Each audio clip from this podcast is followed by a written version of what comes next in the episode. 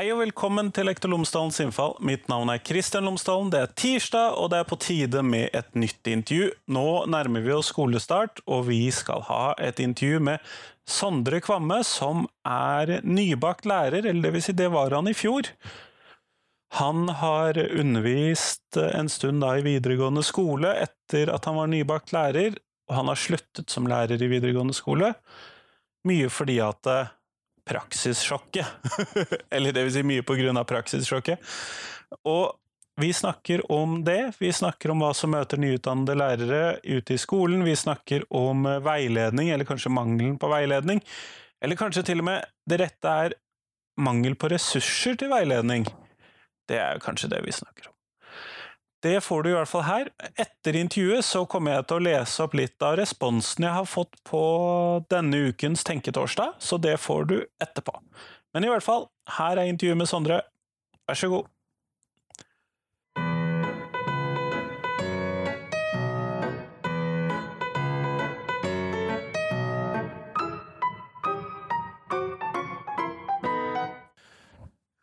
Sondre Kvamme, tusen takk for at du har tatt deg tid til meg i dag. Sjøl takk for at du tar tid til meg.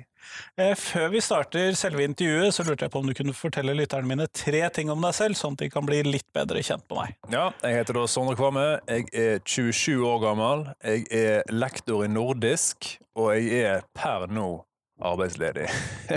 Men ja, det er vel de tre viktigste tingene å tenke, vite om meg, kanskje? Kanskje. Eh, så hvis noen eh, søker norsklektorer, så er det kanskje Sondre man skal ringe? Ring meg.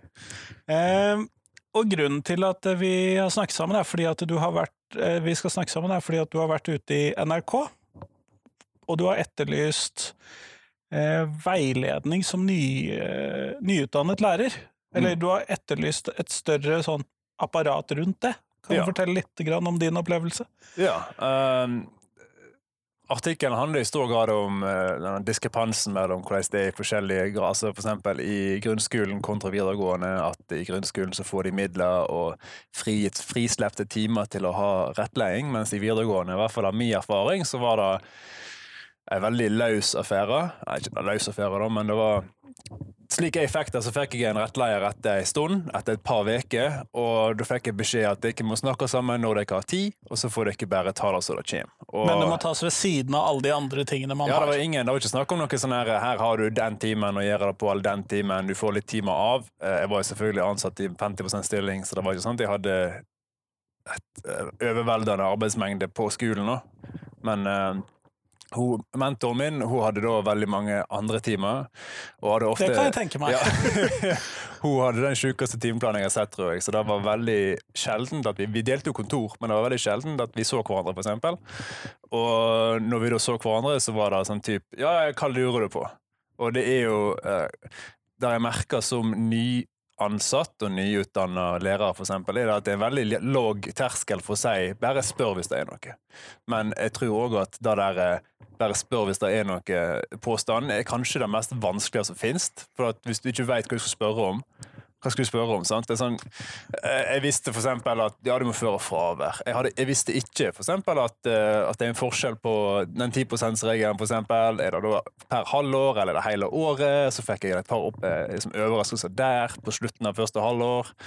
Og Det var sånne ting som du ikke, ikke veit. Og hvis du ikke vet hva det er for noe, hvordan skal du da vite å spørre om det, før du da sitter midt oppi det.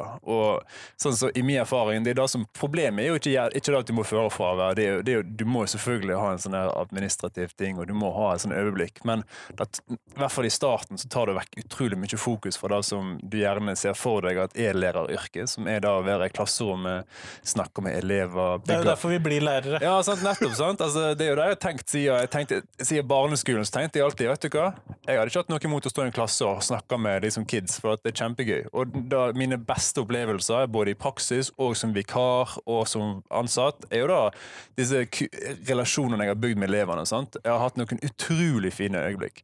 For eksempel Siste året mitt på masteren her i Bergen, når jeg tok lektorutdanning, så jobbet jeg, var jeg vikar på Tertnes videregående, og jeg hadde en klasse, og når læreren der er så friskmeldt, så var det nesten så elevene grein liksom, for at jeg måtte gå. Og jeg òg nesten grein, for at vi hadde det så fint sammen.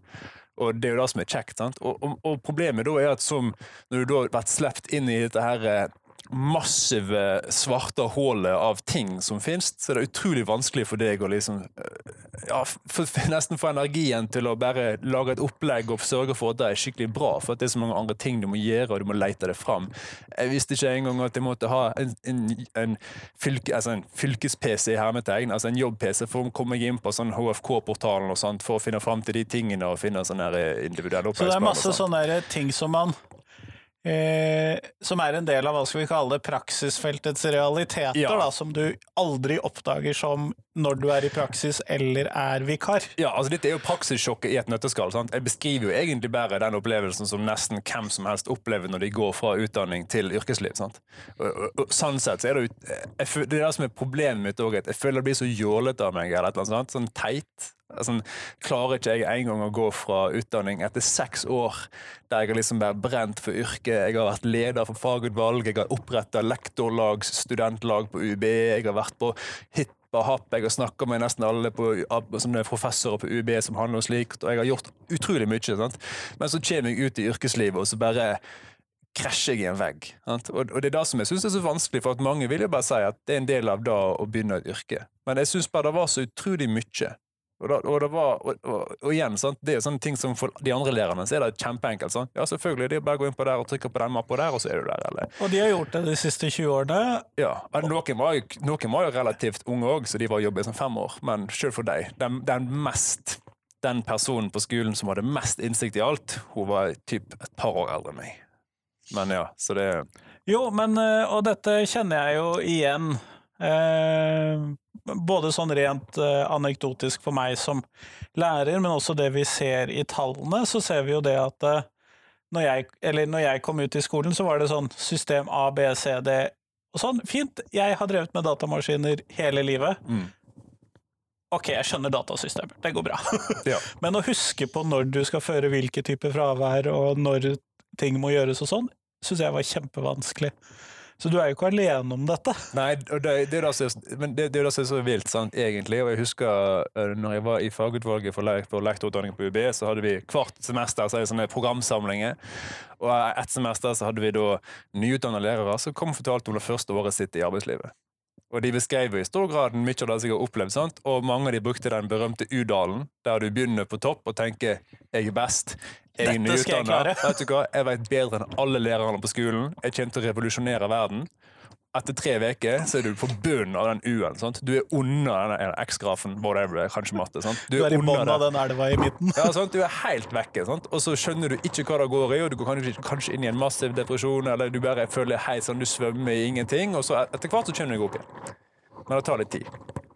Uh, så, og sånn sett så er det jo ja, en vanlig ting. Da. Ja, og det er jo kjente problemstillinger du tar opp. Det er, det, for, for, dette vet vi jo, mm. At det er et problem. Eh, og de snakker jo om denne reservestyrken med lærere. Oversatt alle de som er lærerutdannet og ikke jobber i skolen. Ja. Uh, ja, i, en, I en artikkel på NRK som skrev han av Sjur Mikael Dolve, så viser han til en som sier hva er det én av seks lærere hopper av etter fem år. Det skjønner jeg godt. Jeg kjenner allerede et par av de som har studert med, i hvert fall én eller to eller tre som ikke gjør det, og noen som har jobba med andre ting, og som nå etter å ha mista den jobben, må ikke krype tilbake til korset, men liksom må nå gå tilbake til skolen og jobbe. Så det går liksom begge veier, da. Og for noen så var det gjerne eh, For noen så var det bare det å skrive master som knuste de, og for noen var det å komme ut i yrkeslivet. Og for meg så var det litt dette her at jeg var jo så forelska i studenttida, og jeg syns det var kanskje det beste i livet mitt så langt. Og så kom jeg ut i, i skolen, og det var veldig nytt. da. Jeg må jo si at Noen av de artiklene på artikkelen, noen plasser står det overskrift at jeg har gitt opp. Jeg har ikke gitt opp ennå. Jeg søker fortsatt, jeg har fortsatt lyst til å jobbe som lærer. Sant? For det er et yrke som jeg brenner for. Og jeg har brukt seks år av livet mitt nå på å forberede meg til dette. Så det er ikke sånn at jeg har tenkt å bare slutte, liksom. Men uh, det hadde vært greit med Altså For min del, noe så enkelt som å få en sånn liten portfølje. Sant? Ei mappe der det bare står dette er ting du må huske på de første tre månedene av studiet, av eh, skoleåret. Sant? Dette må du ha klart før jul, f.eks. Dere har hatt sånne ting. En sånn fem sider, fem av fire sider. Og her er kanskje et årshjul med ting som skjer gjennom året. ja da fikk jeg jo, heldigvis, da. Så da var jo faktisk noe som kom ganske tidlig. Men da var omtrent eh, noe, men da, da var det noe av de få tingene jeg fikk liksom ganske tidlig. Men bare da finne årsplaner eller sånne læreplaner Nei, ikke læreplaner, det er jo enkelt å finne, da. Men altså undervisningsplan og sånt, og hva de har gjort tidligere. Hva gjør de andre lærerne? Og plutselig så kommer Biff, og så har du mista ei uke, og så bare ja, totalt Og den er stort sett aldri en årsplan. Nei, nei, det er sånn klassiker, den biffen. Altså. Det er nesten sånn banneord i skolen. Sant? Men, ja. nei, det, jeg vet, jeg vet, det er bare litt, jeg følte bare at jeg aldri fikk sjans til å liksom, virkelig Jeg hadde ikke tilgang til rutiner og sånt heller. Og når jeg da fikk elever som sleit med språket, f.eks. norsk, de hadde norsk som andre språk, eller de hadde veldig svak engelsk, jeg var norsk og engelsk som kombinasjon, så hadde jeg visste jeg ingenting om hvordan jeg skulle på en måte imøtekomme det. Jeg har jo dessverre ikke norsk som handelsspråk heller. Som er, eh, du nevnte jo den svære lista di med studiepoeng du har lyst til å ta. Den står faktisk der, den òg. Den gir det? Ja, nettopp. sant? Men jeg kunne aldri tenkt meg å ta norsk, da. Men norsk Nei. spanspråk. Nei, men Norsk som andrespråk det er kanskje det viktigste faget, og jeg skjønner egentlig ikke hvorfor ikke alle bare får det som en del av lektorpakka på UB eksempel, eller HVL, for at det er jo så enormt. sant? Men jeg merker jo sjøl at det var bare sånn hva skal jeg, Hvordan skal jeg imøtekomme dette her? Jeg hadde en viss peiling, og jeg kjente jo folk, og jeg kunne spørre lærere, men det var mer sånn type ja, da må du bare ta hånd i, da må du bare ta fatt i. Sant? Her har du en grammatikkbok med introduksjon til norsk grammatikk, eller whatever, sant? og så måtte du bare ta det så det kom, uten at du visste hva det gikk. i. Etter hvert så kom det sånne tilbud til noen av elevene, for eksempel, om å, å, å få eh, egen undervisning, men selv da, jeg, jeg, jeg fikk jo ikke sove, jeg. De første tre månedene så fikk jeg ikke sove, for før, da, da, der ansvarsfølelsen av at jeg følte liksom at hvis ikke jeg klarte å hjelpe disse her nå, med å liksom klare å, å forbedre seg i norsk bli bedre, så kan det være at de stryker, sant? eller at de, at de ikke klarer det. Ja, for de må jo ha disse fellesfagene for å komme videre som eh, fagutdannede. Ja, ja, ja, og de får ikke praksis, eksempel, hvis de ikke har eh, gode nok karakterer eller bestått. Sant? Det er jo noe som praksisvirksomhetene ser på.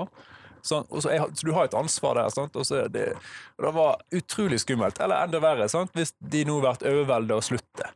Sant? Det er jo òg en veldig stor realitet. Det var jo en yrkesfagskole jeg gikk på, og der har du et stort spenn av eh, elevmasse. Så det var, og, det var så utro, og jeg ante ikke hva jeg skulle gjøre. Sant? Og det var utrolig skummelt. Og, og, og selv når du har andre lærere som du kan spørre om råd, så er det bare så, så mye de kan gjøre akkurat der. Sant? Så det var ja, jeg vet ikke. Og der er jo igjen det er kanskje en litt mer spesifikk sak som kanskje ikke du kan ha bare et punkt i en mappe som sier hvis du har en elev som ikke kan norsk godt nok, gjør slik. Sant? Der er det jo veldig Jo, og, men eh, jeg tror du faktisk kan ha det i en sånn mappe. Fordi at eh, Og dette kommer selvfølgelig litt an på skolene, men noen skoler har en del elever med ikke-norskspråklig bakgrunn, Mm.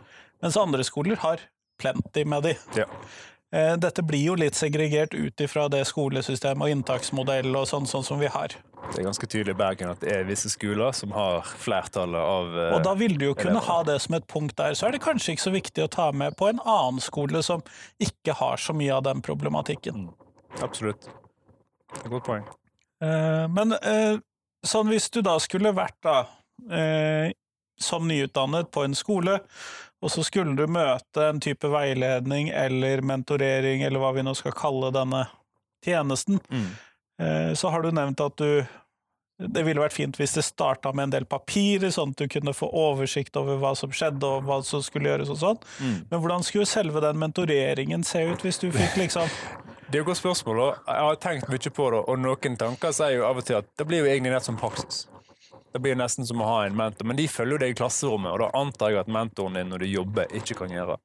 Men, eller kanskje de klarer å observere en gang. Det kommer litt an på hvor mye tid som settes av, da. Ja, det er akkurat det. Og jeg husker for eksempel, Vi hadde en avdelingsleder som hadde lyst til å komme og se på, alle- observere alle sammen når de underviste. Så at, sånn sett så burde det ikke være mulig for de å ha én time disponibel. Sant? Og igjen, hadde, hadde, hadde det vært slik at de fikk frikjøpt én time, eller et eller annet sånt, så hadde de kanskje kunne gjort det. jeg vet ikke. Eller, eller bedre da at, at du faktisk Men det må iallfall settes av tid, da. Det Ja. er det jeg hører. Ja, det må settes av tid. sant? Og bedre da å kunne ha hatt én time i timeplanen der du vet at både du og mentor har ikke har undervisning, for eksempel, og har tid til å gjøre noe der det ikke er møte og alt det sånt. Da hadde det vært gull verdt. sant? Ja, for det spiller jo ikke noen rolle hvis det settes av tid når begge to Eller når den ene har undervisning og den andre ikke har. Nettopp, liksom. sant? Og hvis, og hvis, eller hvis du da har en impromptu-løsning, en adhoc-greie. At Når vi har tid, så møtes vi, så snakkes vi. sant? Og plutselig ser du nå har jeg seksjonsmøte i norsk, eller nå er jeg seksjonsmøte i engelsk, nå har vi lekt, nå Norsk lektorlag har lunsj, nå skal vi gjøre dette og dette. sant? Og så, Og så er det biff, og så er Ja, ja, ja, så kommer biff midt oppi alt sånt. Åh, nei, så, så det, er, det er det- ja, Bare da å ha en, en etablert eller et eller annet, bare noe som er satt i stein. Sant? Det trenger ikke være mer enn én time i måneden, nesten. Kanskje litt mer enn da, men ja, det hadde vært greit. sant? Men en sånn fast oppsatt tid i måneden burde jo være mulig. Ja, Og kanskje også annenhver uke, til og med. ja sånn nettopp. Sant? Og hvis du da i tillegg har gjerne en sånn liste med eller sånn, et par punkt som er viktig å ta opp det trenger ikke være standardisert, nasjonalt standardisert mentorskjema, men et eller annet sånn typ Dette er de viktigste tingene som du som ny leder Sånn funker datasystemet, sånn funker lønnssystemet, sånn funker Ja, bare da å se lønnsslippen var jo bare wow! Husker du jeg kom på høgskolen, så er det, du får ikke i posten engang. Så fant du ut at du må laste en app. Men da fikk jeg ikke vite før lenge etterpå av en kollega, og da fant jeg den appen. Og da så jeg plutselig alle lønnslippene mine. Jeg har aldri sett dem før. Jeg skjønte ikke hva som skjedde. Altså, det er jo noe litt annet, da. Men ja, det Jo da, men eh, du trenger eh, På jobben min nå så har vi også innført at vi trenger en app. Ja, sant? Uh, og jeg vet ikke om jeg som nyutdannet ville huske på å spørre etter den. Nei, nettopp. sant? Jeg tenkte ikke på det, for det har vært standard i alle år jeg har jobbet at jeg får den i posten eller får den i konvolutt på jobben. liksom. Så det var, det var sånne småting. Og Nei, det, det er alltid ting, sant. Og, og jeg nevnte dette her med å liksom, Du må ha en, en jobb-PC som er gitt til deg av IT-mannen, som gir deg tilgang til f.eks. her i, i tidligere Hordaland fylkeskommune, det var den portalen. Og hvis du f.eks. da har en elev som skal ha sånn IOP, så må du ha tilgang til den og den. Men jeg fikk aldri vite noe om hvordan vi kom fram til den, før eh, utpå halvåret at de hadde et sånn fellesmøte der de viste alle sammen, for det var tydeligvis flere som sleit med akkurat det. Så det var litt sånn Det er jo godt å føle at det ikke var ja, bare følte jo at jeg hadde jeg, jeg fikk jo kjappere forståelse for det enn mange andre, så da følte jeg meg litt sånn Da var jeg litt oppe av den udalen igjen, da, så da var jeg stor hjelp. Men ja, nei, sant? det er disse, alle disse sjølsagt tingene. Som selvfølgelig etter fem-ti år i skolen så har du full kontroll, men jeg, jeg tror jo fortsatt det er mange som har vært der i lengre tid enn da, som ikke har full innsikt i alt dette heller. Så Jeg vet ikke på jobben min, for det har jeg aldri sjekket om vi har den type mentor... Eller om vi får frikjøpt tid til mentorering og sånn. ja. Jeg vet vi får tildelt mentorer, de nye, men om det blir frikjøpt, vet jeg ikke. Men det jeg vet at vi har, er at vi har sånne fellesmøter Eller som en del av fellesmøtene, så er noen av de er bare for de nye og halvnye. Kult. Eh, Så skjer det en sånn annenhver måned eller der omkring, hvor skolens mest erfarne lærer, Ja. eh, hun som da er mamma for alle Ja. eh, de nye, ja. Ah. hun kommer inn og så forteller hun om de temaene som hun syns er viktig der og da, og så med ta imot spørsmål fra hva som er viktig der og da, i tillegg til den mentoreringen som Kult. hver enkelt lærer skal ha. Mm. Um, hvordan syns du det høres ut? Det er jo egentlig kjempebra. Og jeg, jeg, jeg husker for eksempel når jeg begynte på den skolen jeg jobbet på, så var det sånn typ Her har vi en ny lærer. Sondre. Her har vi en ny IT-mann. IT-mann. Her har vi en ny person. Bla, bla, bla. Og der var det. Så var det sånn typ eh, Så hadde vi seminarmann seminar med Jan Spurkeland om relasjonsbygging. Det har jeg vært på. Ja, kjempebra. Men det var jo et sånn sjokkeffekt sant? Når jeg kom ut i skolen. Planleggingsveka før skolen begynner, det er jo ikke planleggingsveka. Det er felles seminar og felles ting, og så snakker du sammen, og så er det lunsj, og så gir du noe alle felles, og så får du to siste dagene, så får du litt tid til det. Nå kan du planlegge året. Og som ny lærer, sant. Hva skal jeg gjort det dette med? Har ikke peiling. sant? Det eneste jeg fikk var sånn, Hvis du går inn på den Google Driven her, så får du se hva de gjorde i fjor. Ok. Og da var det, og sånn planlagte jeg året mitt. sant? Og da, Jeg fikk jo til, jeg lagde jo masse planer, men de ble jo endra i hytt og pine hele tida. Men det var bedre da i seg sjøl. var jo det var en ganske umiddelbar U for meg, liksom. Altså en udal. da. At bare sånn Jeg har jo ikke tid til å planlegge. Jeg trenger jo mye mer tid enn alle andre. Og jeg ser jo for meg at for, altså, Det er jo fakta. Nyutdannede lærere trenger utrolig mye mer tid på å planlegge ei økt. Bare Ja, det merker jeg. Det blir- tar stadig kortere tid. ja, nettopp. sant? For det, Du har jo rutiner. sant? Og det er ikke at du bruker det samme om igjen, men du har på en måte lært deg hva som funker, hva som ikke funker. Du, har på en måte, du, du kan til og med improvisere til en viss grad basert på hva du har gjort tidligere. sant? Men for meg så er det sånn bare da Lærebok, eh, har jeg brukt den før? Ok, sånn, dette var yrkesfag i tillegg. sant? Det er jo en helt annen tilnærming til norsk enn det studiespesialiserende som jeg er vant til. sant? Og du Eh, gikk vel eh, studiespesialiserende selv når du gikk på videregående? Ja. altså Jeg må jo innrømme at mitt eh, og Dette er jo kanskje også litt sånn Jeg har en, en teori for meg sjøl i hvorfor dette møtet med skolen var så krevende for meg i starten. Er jo for at jeg har alltid hatt, hatt denne visjonen av meg som en studiespesialiserende lærer. Sant? Jeg, siden jeg begynte å studere, så har jeg sett for meg meg sjøl om sånn 10-15 år med rutete skjorte og sånn der strikka cardigan over, kaffekopp i hånda. Ikke tweed-dressen, altså? Nei, i tweed I engelsktime, når det er dronningens bursdag, da har jeg lyst til å gå i tweed. Men utenom det, så Jeg er faktisk halvt engelsk, så mor mi er engelsk, så akkurat da så kunne jeg vært superbritisk. Men ellers, jeg syns det er for uh, klisjé, altså. Men, sant? Og så står jeg der med en kaffekopp, og så uh, tirsdag morgen, norsk med andre klasse videregående, så siterer jeg et eller annet sånn der Håvamål-vers. Og da begynner det. sant? Det er liksom, det har vært drømmen min. sant? Så det er jo, jeg, jeg er jo òg veldig bevisst på at det kanskje var en sånn identitetsclash der for meg. da.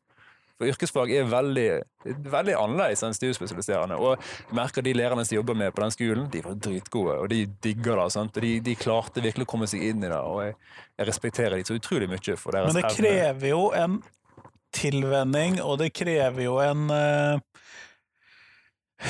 opplæringsfase ute i praksis. Absolutt. Ja, ja, sant. Det er akkurat det. Og det er jo Noen Praksis er jo òg Men i praksis i løpet av studiet, eller praksis etter Da utdanning? tenker jeg praksis etterpå, Ja. når man da kommer ut i praksisfeltet og skal møte alle Nettopp. kravene, alle planleggingene, alle Nettopp. Ja. For jeg er helt enig, og det er jo det er en tilvenningssak, og du må gjerne få en eller annen guide, sant? eller et eller annet som viser deg veien. Jeg. Og jeg følte at jeg ikke hadde så mye sånn, retningspiler. Jeg hadde gjerne noen, men det var mer sånn Igjen, de var mer i form av 'kom her hvis det er noe', si ifra hvis du lurer på noe. Plutselig så hadde jeg etter tre-fire måneder så hadde jeg en lang e-post med sånn ti spørsmål. Men først sendte jeg til sånn avdelingsleder. For jeg sånn, jo, så, så fikk jeg bare svar. Spør mentor. OK. Så sendte jeg til mentor. Så sånn, ja, men burde du kanskje spørre eh, avdelingsleder? Nei, jeg fikk beskjed om å liksom, ta det med deg. OK, så klarte vi å få et møte. Fikk jeg noen svar på e-post, og så hadde vi et møte senere. Men da var det bare noen av spørsmålene mine som da kom etter å ha slitt med flere ting over lengre tid, og på en måte det har tatt så mye oppmerksomhet. sant? Så da fikk jeg aldri liksom satt meg godt inn i faget, føler jeg. Det jeg synes er, eh, Og dette er noe som eh, Donald Rumsfeldt ble mobbet veldig mye for eh, i forbindelse med Irak-krigen etter 11. september. Og det er at han drev og snakket om at the known unknowns og the unknown unknowns osv. Mm. Og jeg syns egentlig at de to Det høres kanskje veldig teit ut, men jeg syns at det gir veldig mye mening. Ja. For vi vet jo at det er ting vi ikke vet, ja. men vi vet ikke hva de tingene vi ikke vet, hva de er. Mm. Og når du først klarer å lage deg en sånn liste, så har kanskje noen av de blitt kjente, ukjente. Ja, men og det er jo igjen, sant? det er jo det som òg Dette er det største problemet. Sant? Det er det som er vanlig. Altså, tenk på leger sant? som skal plutselig ut og jobbe på en sånn fastlegekontor og liksom skal gjøre alt mulig. Sant? Jeg har en stemor som, er, som er, jobber i helsesektoren og beskriver liksom hvordan eh, nyutdannede lærere ofte er mer sånn der, Åh, vi slik og slik og slik, og mens mer erfarne lærere tenker kanskje men den personen er 90 år, vi trenger jo ikke gjøre akkurat sånn og sånn. Sant? Du mener leger nå, ikke sant, og ikke lærere? Ja, leger, ikke Ja. lærere. det hadde vært litt villere hvis det er lærere bare vet du hva Vi sender de ut i helsevesenet. Ja. Men jeg tror faktisk det hadde vært eh, på en måte lettere, ikke fordi at jeg tror vi hadde gjort en veldig god jobb, men vi hadde i hvert fall ikke følt at vi skulle ha kunnet dette. Nei. Ja. Men igjen, så at leger de har jo et, hva er, to, et år i praksis, eller år i, eller to, husker ikke hvor mange, men de har ganske mange. De har mye praksis, i Ja. hvert fall. Jeg har ikke satt meg inn i hvor mye, men jeg vet Nei. de har mye praksis. Ja, og, det, og igjen, sant? sånn som på UB for eksempel, så legger de mye fokus på at lektorutdanning og lektoryrket er en profesjon. Sant? Og det er altså spørsmålet hva er en profesjon for noe, og hvor, eh, hvor går grensa mellom yrke og profesjon, og en lege er jo en profesjon, vil jeg si. Sant? Men det er kanskje fordi de har så mye praksis i forkant, og at de liksom har gjort det klart til å komme ut i yrket, og allerede da så er de profesjonelle og klare til det. Og så når de er en del av praksisen som legene har ute, så får de hele ansvaret også for papirmølla og en del sånne ting. Og jeg har i hvert fall ikke oppfattet øh, som praksis opphold ute i skolen at man har hele papirmølla rundt. Nei, nei, nei, absolutt ikke. Det er jo bare Det er jo en, det er en glorifisert lærerjobb. sant? Altså, da du gjør at du går ut og så underviser du, så lager du opplegg kun da. Og noen retter. Ja, altså, ja, og kanskje hvis du er ærlig, så retter du òg? Og lager en prøve, men det er aldri noe mer enn det. Du har, du har nesten ikke sett fravær, så kanskje du får lov å føre fravær. Men det, det er jo ikke noe annet enn da. Så det er liksom, det, det er den på en måte, i av min erfaring, så er det på en måte det som er den stereotype læreren. er jo det du gjør i praksis. Men det er aldri det som skjer i bakgrunnen. Alt det som jeg opplevde som eh, skummelt, og som antakeligvis ganske mange andre opplever som krevende i starten av yrket. Ja, og det er jo klasserommet vi som elever kjenner til Mm. eh, når vi kommer inn og sier at 'oi, jeg skal bli lærer'. Ja, nettopp, sant? Ja. Og så vet vi at de må rette og sånn, men vi vet ikke hvor Ja. mye tid det tar. Nei, nei, jeg husker når jeg, jeg sa liksom til lærere sånn, jeg har norsk, og så har jeg engelsk som fag to, og så husker mange lærere i praksis bare lo av meg og bare «Øh, Ja, du har, du har skrevet den erklæringen sjøl, snakkes i graven, liksom. Eller du kommer aldri til å klare det. og- Jeg må innrømme, jeg har sagt det tidligere. Ja, ja, jeg forstår hvorfor, men det går jo egentlig helt greit. Altså, nå har jeg jobbet på både UB og høgskolen og dette året her, fra høsten 2019 til våren 2020. Sant? Og det er jo bare rett inn der òg, og der er lengre tekster, så det, det går egentlig helt greit. Jeg, jeg iallfall syns det er Ja, og jeg har jo sett at en del norsklærere virkelig koser seg med rettingen sin. ja.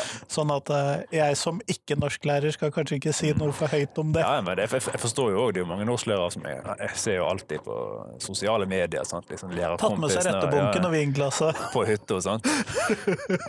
Helg på hytta, så det er en stabel som er høyere enn livet. Sant? Og så tenker du åh, ja ja, der er jeg snart. Men eh, ja, nei. Det varierer jo veldig. Men eh, det er heldigvis ikke det verste. Men sant, det- i prinsippet det du etterlyser, er eh, tid. Og en viss struktur over informasjonen som kommer, fordi at du kan ikke nødvendigvis vite på forhånd hva du trenger å vite. Nei. Ja. Ja. Det er det. Det, Det- høres jo ikke så jævlig vanskelig ut, da. Nei, men det, dette er jo typisk, sant. Altså, det Det vil si for systemet å ordne. Det Ja, høres ja. vanskelig ut for en, en ung, nyutdannet lærer, men, Ja, men systemet burde jo kunne klare å ordne disse to enig. tingene. Ja, jeg skulle jo ønske sant? Men, og det, men det er jo sånn der, jeg vet ikke om det er sånn der selvoppfyllende profeti at læreren og skoleverket generelt er for fullt i alt, til at du kan ikke tilpasse deg enda mer. Sant? Du kan ikke endre i timeplanen mer enn du allerede har gjort, for du skal ha fellesmøte, du skal ha teammøte, gruppemøte, bla, bla, bla. Så kommer et nytt møte, og så er det andre ting, og så er det planlegging, og så bare går lista. Og, Og, og jeg skjønner jo at måte, du får den der tanken om at det går faktisk ikke an. Men det går jo an. Og det, i hvert fall hvis sånn som vi sa, sant? en gang eller to ganger i måneden, og ha en, et, et, møte, på én time. Du kan til og med ta deg lunsjen hvis du vil, men det er jo greit å ha lunsj og snakke om noe annet enn jobb. sant? Du må jo klare å koble av litt. Grann. Ja, jeg, jeg tror jo egentlig i praksis at det burde gå an, men det er jo, det er jo typisk at selv små endringer som da kan være utrolig krevende. Med tid og struktur. Ja. Mm, og da må det nesten settes av faktiske prosenter, da, i hvert fall til uh, både mentor og den som skal bli mentorert. Ja, for hva det nå jeg, jeg, jeg, som- jeg er jo fersk som eh, laksen sjøl, men altså, når du er mentor, hva det du får som type en liten pengepung og det, da? Du får vel ikke noe ekstra tid? Jeg veit ikke. Nå stiller jeg blanke spørsmål. Jeg vet ikke om du vet det heller. Nei, og dette vet jeg ikke, men eh, jeg har jo forstått at i grunnskolen så er det tid som settes av, altså du Ja. får penger gjennom Ja, det da redusert undervisning. Det er jo da som den artikkelen snakker litt om. Han nevner ikke så mye, da, men når jeg snakker med han her, Sjur Mikael Dolvev, når han intervjuer meg, så sa han jo eksempel at i grunnskolen så får du jo faktisk tid satt av, og de får betalt ut timer, sånn at de kan ha konkrete timer sammen, mentor og ny lærer. Sant? Og det er da som på en måte var litt av hovedgreia med den artikkelen, sånn jeg skjønte det i alle fall, var at det er derfor han kontakta meg, eller først Norsk, Lektorlag, som da foreslo meg. Eh, For da at det er en så stor forskjell mellom videregående og grunnskole. Det er faktisk i videregående som eh, er like krevende. Jeg sier ikke at den ene er enklere enn den andre, de, men de har veldig egne utfordringer. og Kanskje det er mer av noen ting på videregående enn enn den andre veien. Sant? Men det er jo òg mye som må takkes inn, og erfaring. Sant? Når én av seks gir seg etter kort tid, så sier det seg sjøl at de burde få oppfylling. At systemet kanskje ikke funker sånn som det Ja. er nå, da. Ja. Men det er jo, altså, eh, når den artikkelen kom ut, så fikk jeg jo tonnevis. Jeg fikk jo melding av kontaktlæreren min fra Knarvik videregående, liksom norsklæreren min. sant? Jeg fikk melding fra tidligere kollegaer på den skolen jeg jobber på. Alle bare skrev. Jeg opplevde akkurat det samme. Helt enig. sant? Det var rett før jeg òg ga meg sanne ting. sant? Og det er jo, så det er jo veldig tydelig ikke bare jeg som føler meg veik. Sant? Det er jo faktisk noe, og når det er en så stor andel, så kan vi ta den typiske sånn sånn venstre-radikale notion. Systemet er jo et eller annet gale med. Sant? Det er jo klisjé å si det. Sant? Alle hater det. Men vet du hva? Jeg må klikke litt på systemet av og til, syns jeg. Og ja, men igjen, sant? Det er ikke nødvendigvis en systemsvikt, eller kanskje, men det er ikke sant at liksom alt bare knekker sammen. men det er en sånn Nei, jeg tror tror ting. ikke det er snakk om en systemsvikt. Jeg tror bare at systemet ikke nødvendigvis er til, lagt til rette på best mulig måte. Ja, nettopp. Og, Og det blir litt feil å si at eh, designet av systemet er en systemsvikt. ja, nettopp, sant? Det er jo akkurat da. Så det, så det er jo bare snakk om små endringer. sant? Tilpasse det og og modernisere det, hva enn du vil si. Men eh, ja, jeg syns det er når, når både nyutdanna lærere og folk som nesten er ferdig utdanna, og folk som har jobba i skolen lenge, alle de kommenterer de samme tingene, og i tillegg så har du folk som ikke engang har lyst til å fortsette med yrket. Og så, så ja. Og du har jo lyst til å fortsette i yrket. Ja, jeg har ikke gitt meg ennå, sant. Jeg kjenner en litt sånn frykt. Men eh, det er jo bare én måte å håndtere det på, sant? og du må bare hoppe rett inn. Det er som å hoppe fra timeteren. sant? Hvis du bare står og stirrer på det, så blir det bare verre og verre. sant? Ja, den timeteren blir stadig lenger. Ja, ja. Plutselig så står du på én meter, og så bare «Åh!» Klarer ikke. Sant? Så ja, jeg, jeg har på ingen måte gitt meg. Jeg har, jeg, brenner, jeg har fortsatt lyst til å bli den gode læreren som jeg hadde i videregående. Den rettslærerlæreren som bare fikk hele klassen til å bare Wow, kult med rettslære, liksom. Hvem kan gjøre det? sant? Nå kan man bruke gamle Exodus i Bergen som eksempel på eh, liksom, eh, lov, lovbrudd og hvordan håndtere loven. Og, Og liksom, ja, hele klassen var helt med. Da, da er det en god lærer. Ja, Du er vel i passelig alder for at Exodus var et godt eksempel òg. det var fremdeles Exodus. Da jeg var russ, så var det fortsatt Exodus der, husker jeg. Så da, ja. Men nettopp, sant? Men da var det liksom bare Ikke at Exodus er liksom det som gjorde det, da, men det var bare en så god lærer, og det er det jeg har lyst til å være. sant? Og da må en jo Men jeg har lyst til å ha muligheten til å være en god lærer, i tillegg til å håndtere- Fikse jobben. Ja, fikse jobben. Ja. Men Kjempeflott. Vi går mot slutten av podkastintervjuet, og Ja. da skal jeg stille deg det samme spørsmålet som jeg stiller til alle jeg intervjuer. Mm. I hvert fall for tiden. Eh, og da lurer jeg på hva er de tre viktigste tingene som skolen lærer elevene? Du, vet du dette her eh, Jeg fikk jo heldigvis eh, Litt varsel på varsel på det, så jeg har faktisk tenkt litt over det, og jeg la det lista på tre ting. Ja, men så bra. Ja. Eh, Det må sies at på det tredje punktet så har jeg flere underpunkt, men vi kan Det begynne med lever jeg fint med. ja, flott. Vi kan begynne med nummer én. da. Og Dette er jo litt preget av at jeg jobba på UiB forrige halvår, og, altså på høsten 2019, og nå HVL 2020. Så er jo svaret mitt danning. Jeg er jo norsklærer i tillegg. sant? Og nå vil jeg slå hånda ut at jeg tenker ikke bare på danning som literacy, altså der du lærer deg å lese og skrive og være kritisk, det er også kjempeviktig. Men jeg ser jo på den gode, balanserte holdningen med at det handler også om kultur og litteratur, og dette her med å få et innsikt i hva er det, for eksempel, hva er det å være norsk, hva er det å bo i Norge, hva er det å være en god statsborger, hvordan er du en god Facebook-bruker og kommentator og sånt. Hvordan blir du ikke en person som bare skriver og så blir alle lei seg når de leser det. Sant? Hvordan skal du bli et godt menneske som funker i samfunnet? Det er kanskje noe av det viktigste, syns jeg. Og der er jo selvfølgelig, som norsklærer Det er jo det norskfaget i stor grad gjør. sant? En viktig del av jobben. Ja, jeg tror virkelig det. Eh, det var vel det viktigste på den, tenker jeg. Ja. Så har vi nummer to, relasjonsbygging. Tror jeg er kjempeviktig. Eh, dette er jo også preget av Anja Spurkland, som hadde det knallgode seminaret, men jeg er helt enig. sant? Hvis du skal ha en god klasse, du skal ha et godt klasseromsmiljø, hvis du skal ha et miljø der elever tør å rekke opp hånden sin og si hva de syns, for det er jo det det handler om egentlig, sant? Altså de må klare å uttrykke seg sjøl. Og dette kommer til å komme igjen i tredje punktet mitt snart, men det, det er kjempeviktig. sant? Hvis du har et godt miljø i klasserommet, og du føler at alle bryr seg om Hvis hverandre eleven er trygge på deg. ja, og du er trygg på de, og de er trygge på hverandre. Det er jo òg en ganske vanskelig ting. sant? Det er kjempeviktig. Og da spiller jeg opp i tredje punktet mitt som jeg har skrevet opp, og det er identitet.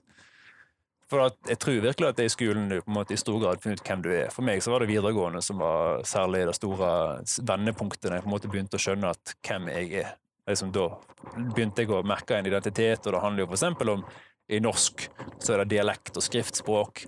Hvor viktig er det egentlig, den dialekten du snakker? sant? Det er mange som knoter og endrer. Jeg møtte ei fra Sogn og Fjordane for ikke lenge siden som snakker kav Jeg tror det var for kaldfare. Fram til hun sa 'jeg kommer fra Sogn', og da skjønte jeg liksom at oi!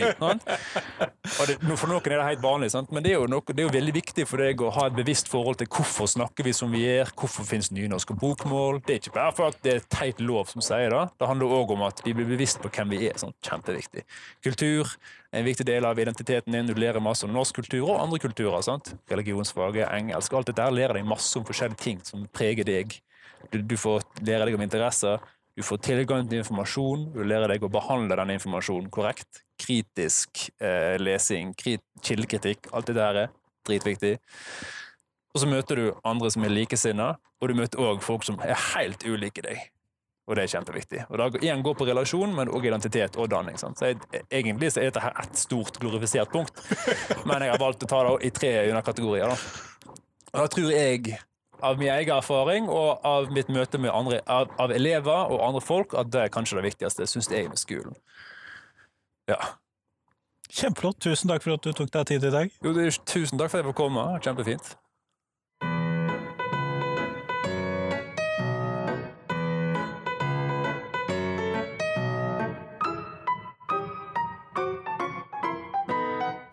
Tusen takk til Sondre, og tusen takk til deg som har hørt på. Nå er det en uke igjen til neste podkastepisode. Vi er ferdig med doble sommerepisoder nå, så da er det en hel uke til.